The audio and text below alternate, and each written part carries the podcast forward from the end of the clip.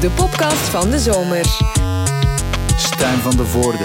Dat is waar, de podcast van de zomer. En daarin uh, bel ik altijd met iemand.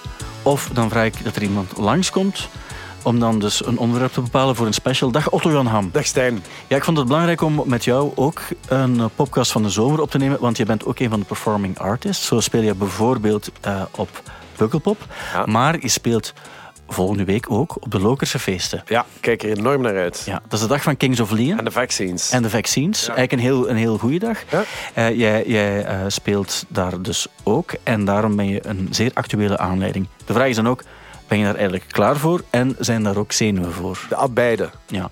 Ja, ik bedoel, ja, ik heb er gewoon ook heel veel zin in. Ja. Ja, ik hoop dat er heel veel volk gaat komen kijken. Ja, maar dat gaat ook wel het geval zijn. Ja, meezingen. Ja, dat gaat ook wel het geval zijn. En niet enkel bij Onward, maar ook bij California. Ja. Of, of bij de, de single, The World die ook al even uit is. Uh, met, en uh, gaat, gaat Lara meedoen? Of Weet ik nog niet heel zeker.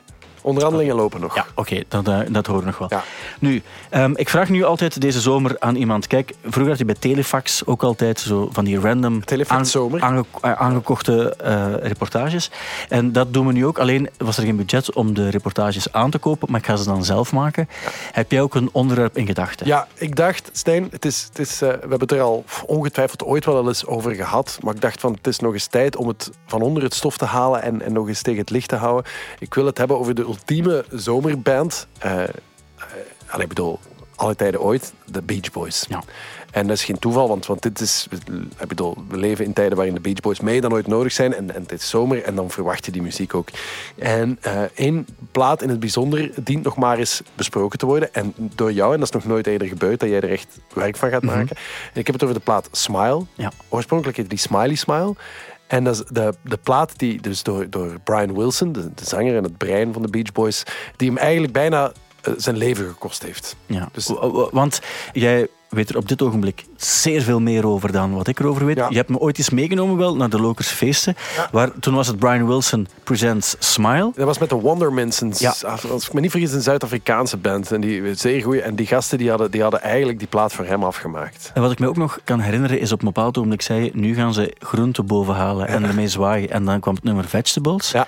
En dan gebe- die, dat was, ik dacht dat, dat je een, een mopje maakte, maar dat was echt zo. Hè? Die hadden op de tourbus dus prei mee en zo, waarmee dat ze wisten van oké, okay, in dat nummer gaan we daarmee moeten zwaaien. Ja, het is bizar, bizar. Het is een bizarre kerel. Het is ook wel een vrij bizarre plaat, maar het is wel een heel goede plaat. En uiteindelijk is hij er dus, wat is het mee, dan 30 of 40 jaar na de eerste poging is hij er toch gekomen, de plaat. Dan niet onder de naam Beach Boys, maar wel onder de naam Brian Wilson, Pet of, uh, uh, Smile. Ja. Dus, dus hij is er al gekomen, maar, maar er bestaan ook heel veel oorspronkelijke uh, smiles van de Beach Boys. Uh, ja. De een al wat beter dan de andere.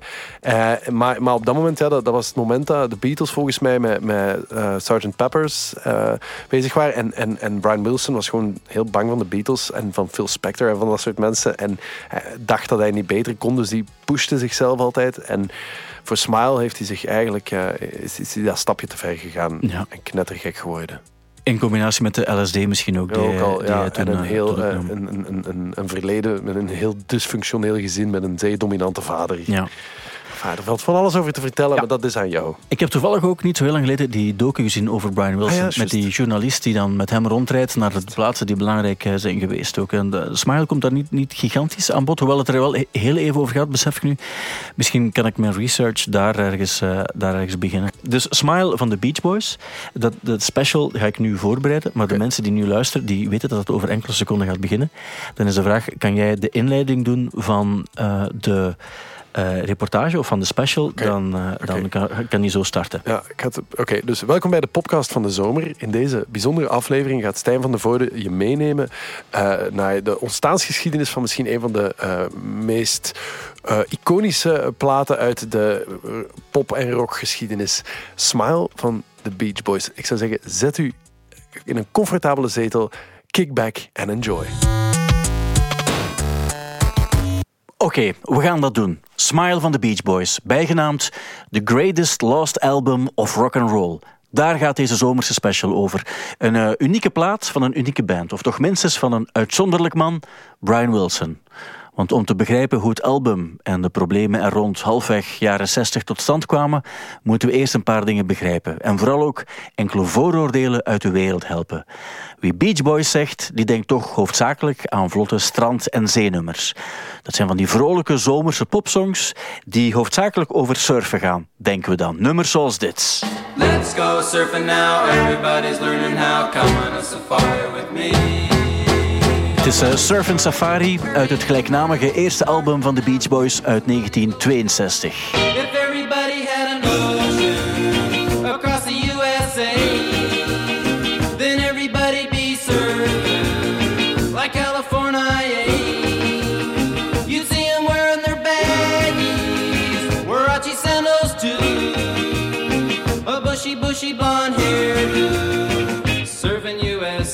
Dit is Surfing USA uit het gelijknamige tweede album van de band uit 1963. En dit is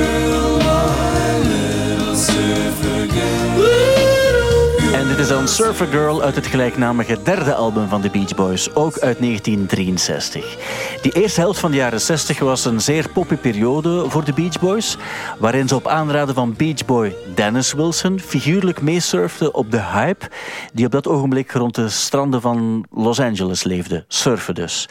Surfen, dat was op dat ogenblik redelijk hip, maar Dennis Wilson, de middelste broer van Brian en Carl Wilson, ja, hij was eigenlijk de enige die het ook echt deed.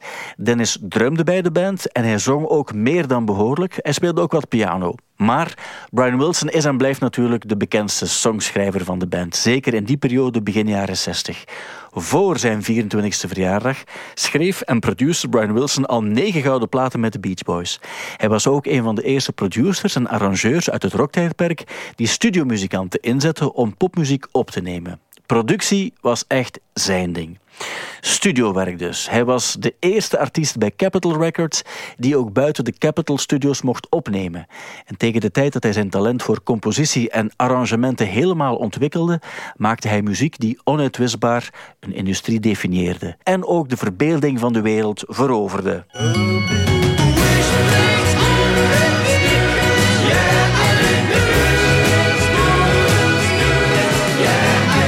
Go. California Girls. Girls and California. Daar zongen de mannen in een beginperiode graag over. En dat klinkt nu natuurlijk wat oppervlakkig, maar je moet je proberen om je even in de tijdsgeest te verplaatsen. De Beach Boys, dat zijn natuurlijk ook Carl Wilson en een neef Mike Love. En ook nog een schoolvriend Al Jardine en Bruce Johnson. Maar als je een special maakt over die mysterieuze plaat Smile, dan maak je eigenlijk een special over een stukje uit het leven van Brian Wilson. The man, the legend, the talent. Brian Wilson wordt vaak omschreven als een muzikaal genie en dat lijkt me ook niet overdreven als je bekijkt wat voor nummers hij heeft geschreven en hoeveel succes hij er ook mee had. Maar we mogen ook niet vergeten dat hij een zeer complex man was. Hij worstelde in die periode met mentale problemen. Hij had het vooral moeilijk met zichzelf. En halverwege de jaren 60 maakte hij bovendien kennis met de voordelen, maar vooral ook de nadelen van drugs. Het was een zeer intensieve tijd voor hem, voor lichaam en voor geest. Probeer je voor te stellen, in de periode 1962-1965 brengt Brian Wilson met de Beach Boys tien platen uit. Tien albums op drie jaar tijd. Dat is super intensief. En dus, tegen album nummer 9 zijn de mannen het eigenlijk een beetje beu om een Beach Boy te zijn. En steeds weer diezelfde muziek te maken. Dus Brian Wilson gaat in 1965 op zoek naar andere manieren om inspiratie op te doen. California Girls, het nummer dat ik net al even liet horen, schreef Brian in 1965 naar eigen zeggen na een LSD-trip. LSD, you know, it was an eight-hour pill. It started at 7 in the evening. And by around 2.30 or 3 in the morning, I went to the piano and wrote some of California Girls. So the LSD did have an upside. you know, obviously helped me write, write songs. Nou, California Girls stond op Summer Days en Summer Nights, het negende album van de Beach Boys. We zitten nu in 1965. Vergeet niet dat Beach Boys intussen ook toeren. Maar de combinatie van toeren en platen uitbrengen aan een enorm tempo, ja, dat is niet meer vol te houden voor Brian Wilson. Dus hij stopt met toeren en besluit zich te focussen op zijn voornaamste passie: nummers schrijven en produceren. Beach Boys Party, ook uit 1965, stelt op zich niet zo heel veel voor. En je merkt ook dat de inspiratie, ja, die is ongeveer op. Maar ook opvallend, er staan een paar zeer interessante covers op de plaat. Zoals dit. Hey, got to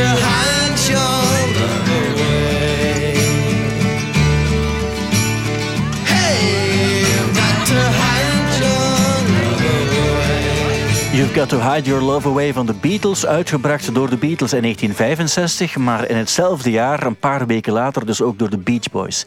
En in die tijd werd er veel gecoverd, ook door Brian Wilson, maar op Beach Boys Party staan maar liefst drie covers van de Beatles.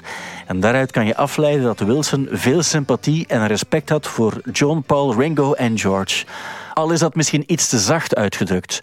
Want als de Beatles in 1965 Rubber Soul uitbrengen en even later ook Revolver, dan raakt Brian Wilson gefascineerd door de sound van de Beatles. Hij zegt jaloers op de creativiteit en het experiment en de nummers, die daarnaast ook nog eens heel goed in elkaar zitten, zowel melodieus als qua structuur. 1965, 66, dat zijn ook de jaren waarin Wilson aan Pet Sounds werkt, terwijl de rest van de band op tour is. En tijdens de opnamesessies experimenteert hij met alles wat in zijn buurt te vinden is. Met fietsbellen, met horens, met cymbals, met omgekeerde melkkannen en ook een pak minder evidente instrumenten. Het meest opvallende instrument was ongetwijfeld de theremin. En het veelzeggende I Just Wasn't Made For These Times, een nummer dat heel juist omschrijft hoe Brian Wilson zich op dat ogenblik voelde. Every time I get the inspiration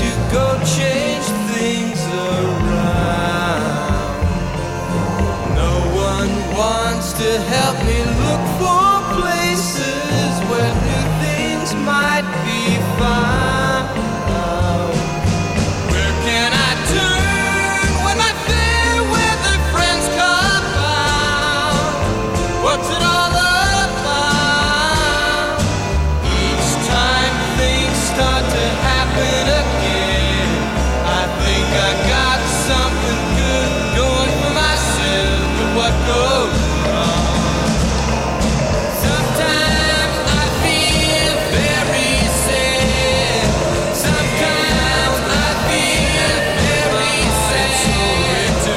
Sometimes I Feel Very Sad uit het nummer I Just Wasn't Made For These Times van de Beach Boys, een autobiografisch nummer van Brian Wilson.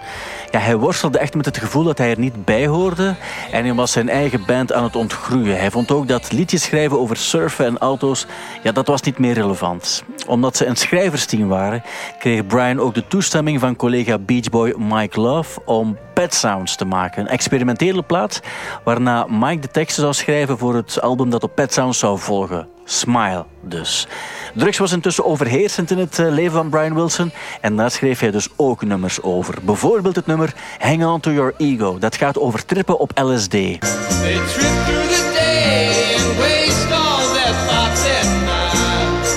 Zo klinkt het vanaf de eerste zin eigenlijk. Hang On To Your Ego uit Pet Sounds, een album dat Brian Wilson eigenlijk helemaal alleen schreef. Zijn doel was om iets te maken, iets te componeren dat even goed was als Revolver van de Beatles. Wat een zeer moeilijke opdracht was, want de Beatles die hadden Lennon en McCartney, dus als pure songschrijvers. En dan ook nog eens erg belangrijke hulp van producer George Martin. En Wilson deed alles alleen. Hij speelde het grootste gedeelte van de instrumenten ook zelf in. En als hij hulp nodig had, omdat zijn band op tour was, was, schakelde hij de Wrecking Crew in. Dat is een groepje topmuzikanten die in die periode ongeveer alle hits in Los Angeles hebben ingespeeld. En toch maakt hij solo een meesterwerk van Pet Sounds, met nummers zoals dit.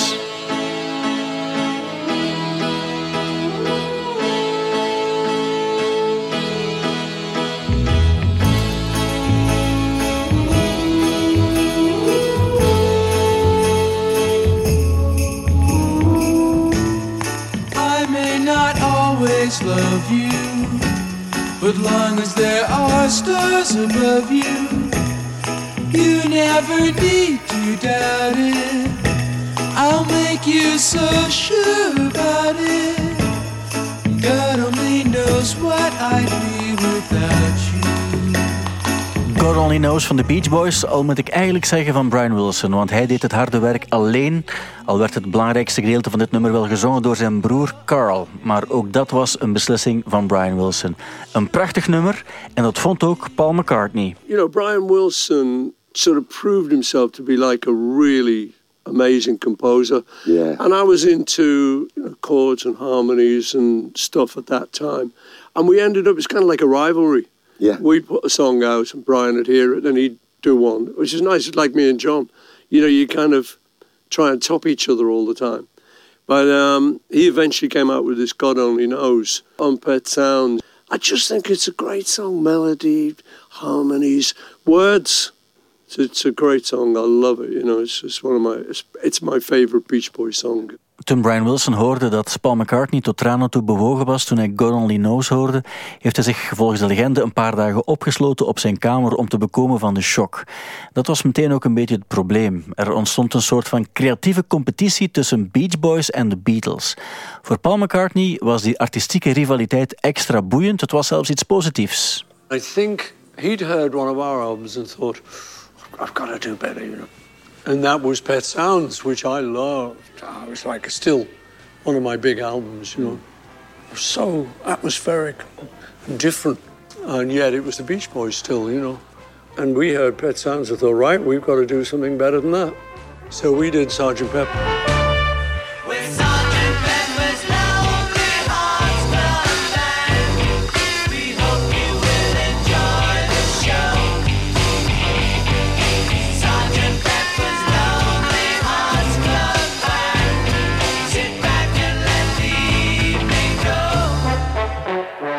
Sgt. Peppers van de Beatles. Het is een, uh, een prachtplaats natuurlijk. Een klassieker, een album dat, als we Paul McCartney mogen geloven, niet zo interessant of zo goed zou geweest zijn zonder Pet Sounds van de Beach Boys. Ja, intussen zitten we in 1967.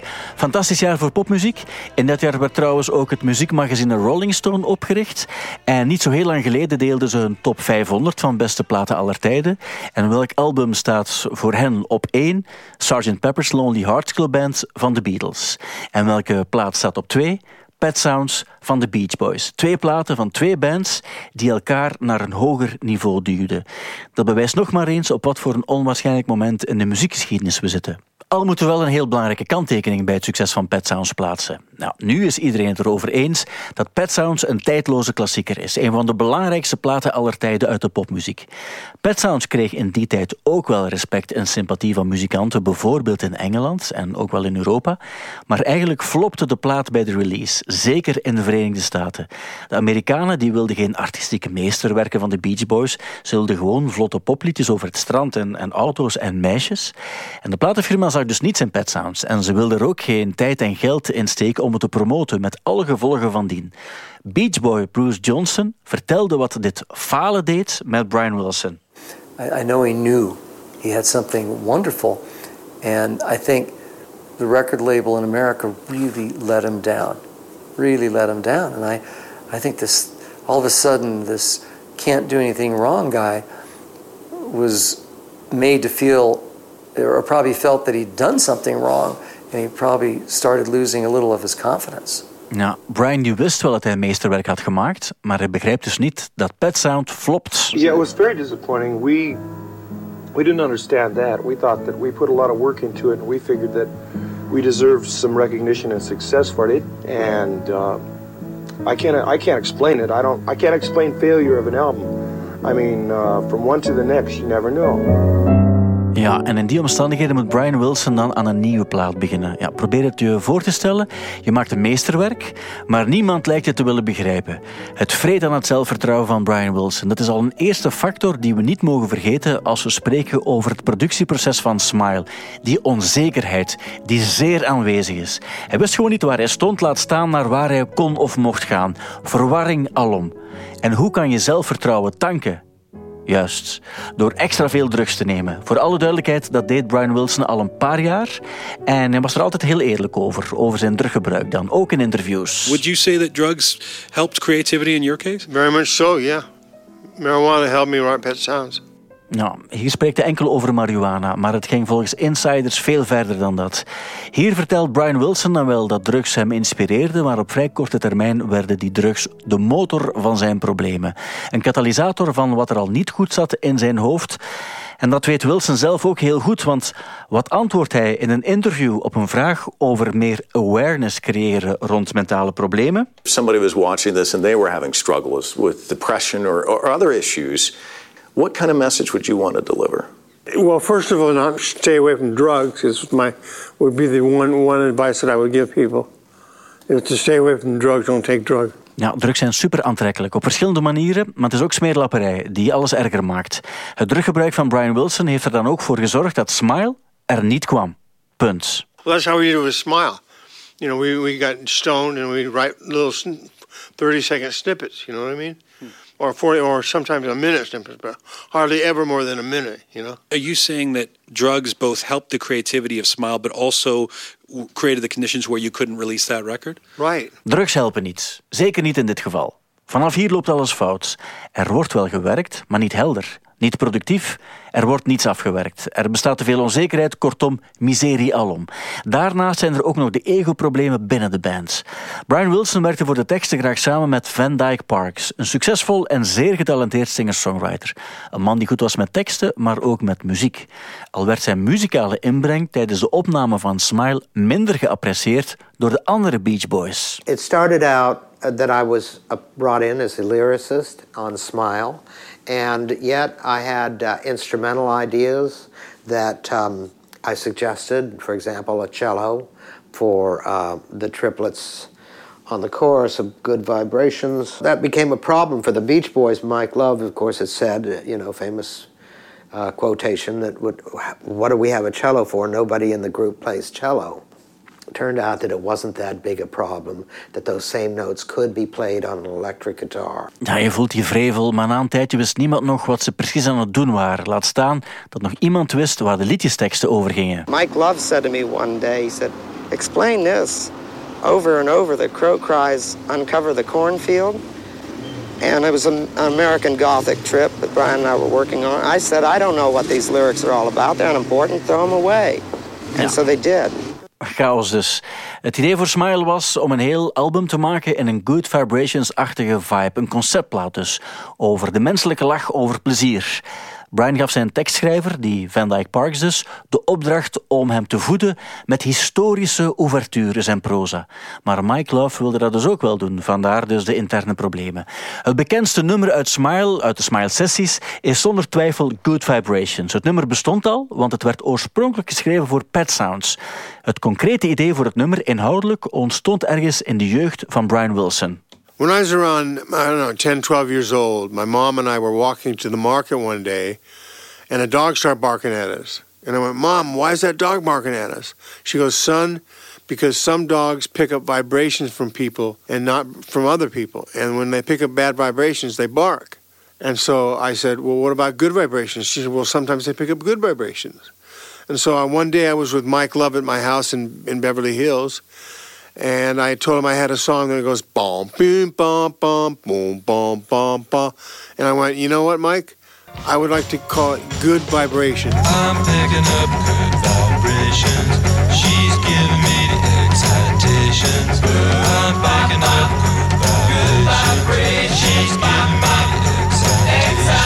Dat was het, uh, het makkelijke gedeelte. De rest van de opname van het nummer verliep in typische Smile-traditie, namelijk chaotisch, onderdacht en vooral heel duur, heel kostelijk.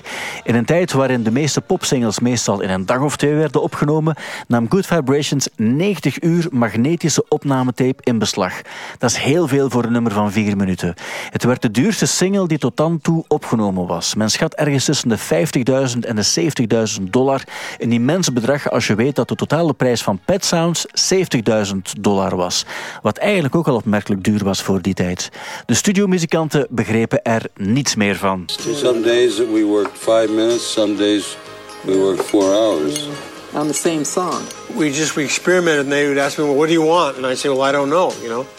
And we go home and the next time we get together, then we would fall together and we do the thing.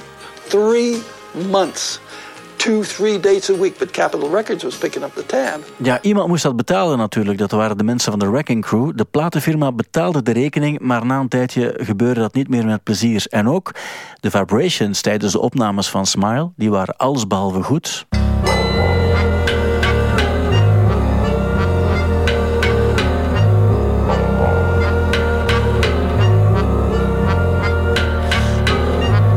Brian Wilson die leed intussen aan paranoïde waanideeën. Bijvoorbeeld over het feit dat Phil Spector, de producer, en zijn vader hem lieten volgen door privédirectives.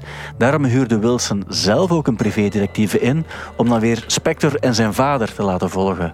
Ja, Wilsons gedrag liep totaal uit de hand tijdens de sessies, maar niemand begreep dat hij leed aan een officiële mentale breakdown. In veel gevallen kwam Wilson zelfs niet opdagen tijdens opnamesessies, waardoor de sessiemuzikanten voor niets weer naar huis werden gestuurd. En als hij dan toch kwam opdagen en had een slechte dag, dan was hij een totale ramp om mee samen te werken. De hele band probeerde intussen het beeld te veranderen dat van hen bestond als gladgeschoren surfers. Ze huurden voormalig Beatles persagent Derek Taylor in en ze vroegen hem om het imago van de Beach Boys wat hipper te maken. Nou, Taylor die was geïnspireerd door de schoonheid van Pet Sounds en hij begon Brian Wilson te promoten als een genie. Zonder ook maar één single gehoord te hebben, begon die Taylor het toekomstige album Smile te promoten als het album dat de wereld zou veranderen. Advertenties vergeleken Smile met Citizen Kane, terwijl Wilson dan vergeleken werd met Orson Welles. De platenfirma geloofde de hype ook zelf en hoopte binnen een maand een miljoen exemplaren te verkopen. Ja, de druk om Smile af te werken en de meest succesvolle plaat aller tijden te produceren woog enorm op Wilson. Het hele smile-gegeven viel echt uit elkaar in 1967, ook al gingen de overdubs nog jaren door. Brian kreeg 15 januari 1967 als deadline om de plaat af te werken. Maar toen Carl Wilson in 1967 op 3 januari werd gearresteerd omdat hij weigerde in het leger te gaan, was Brian Wilson de kluts helemaal kwijt. Hij miste de deadline en hij concentreerde zich de komende maanden dan maar op twee nummers. Het eerste van die nummers was Heroes and Villains.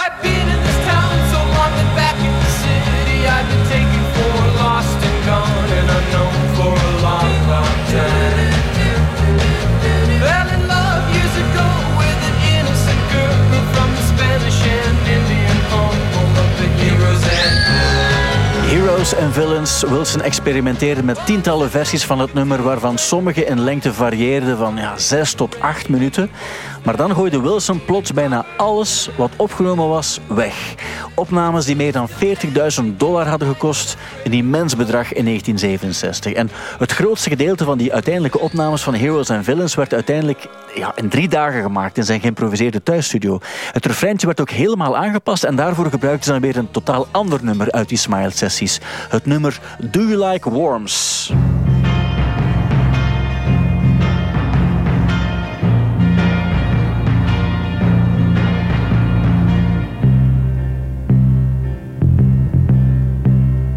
Dit is het nummer, of toch de demo, die uiteindelijk leidde tot Heroes and Villains, het openingsnummer van Smiley Smile. De noodplaat die uiteindelijk toch maar snel uitgegeven werd. Ja, het was gewoon om iets te hebben en ook om de kosten deels terug te betalen. Het tweede nummer op Smiley Smile was Vegetables. Nog zo'n bizar nummer waar we het eerder ook al eens over hadden. I'm gonna be my vegetables, I'm gonna down my vegetables, love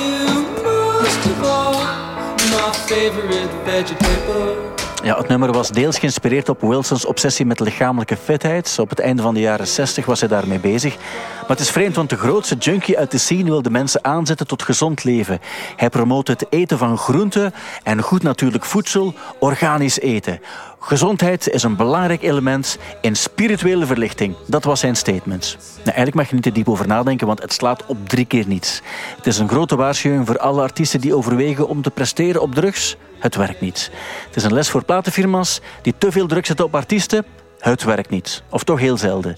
En het is vooral ook een bewijs dat mentale problemen in die periode absoluut niet ernstig werden genomen. En het is vooral ook zonde dat we daardoor nooit zullen weten tot wat een artiest die op dat ogenblik op het toppunt van zijn carrière zat in staat was. Smile is er dus nooit gekomen. Da, da, da,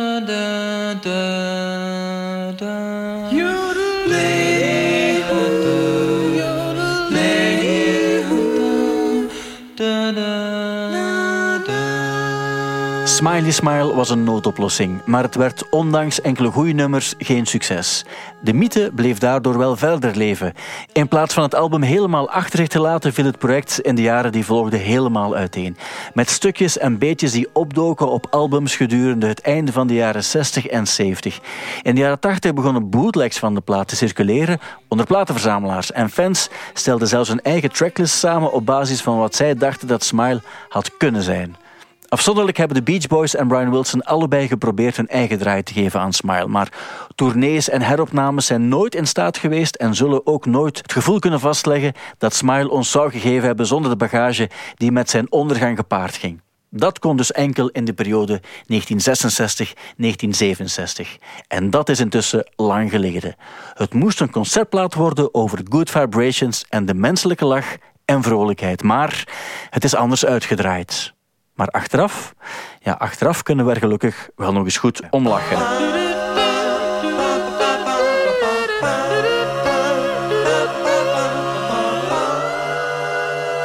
En dit was op vraag van Otto Jan Ham een special rond Smile van de Beach Boys. Bedankt om te luisteren. Veel plezier met Hair Baby op Pukkelpop. En tot volgende week.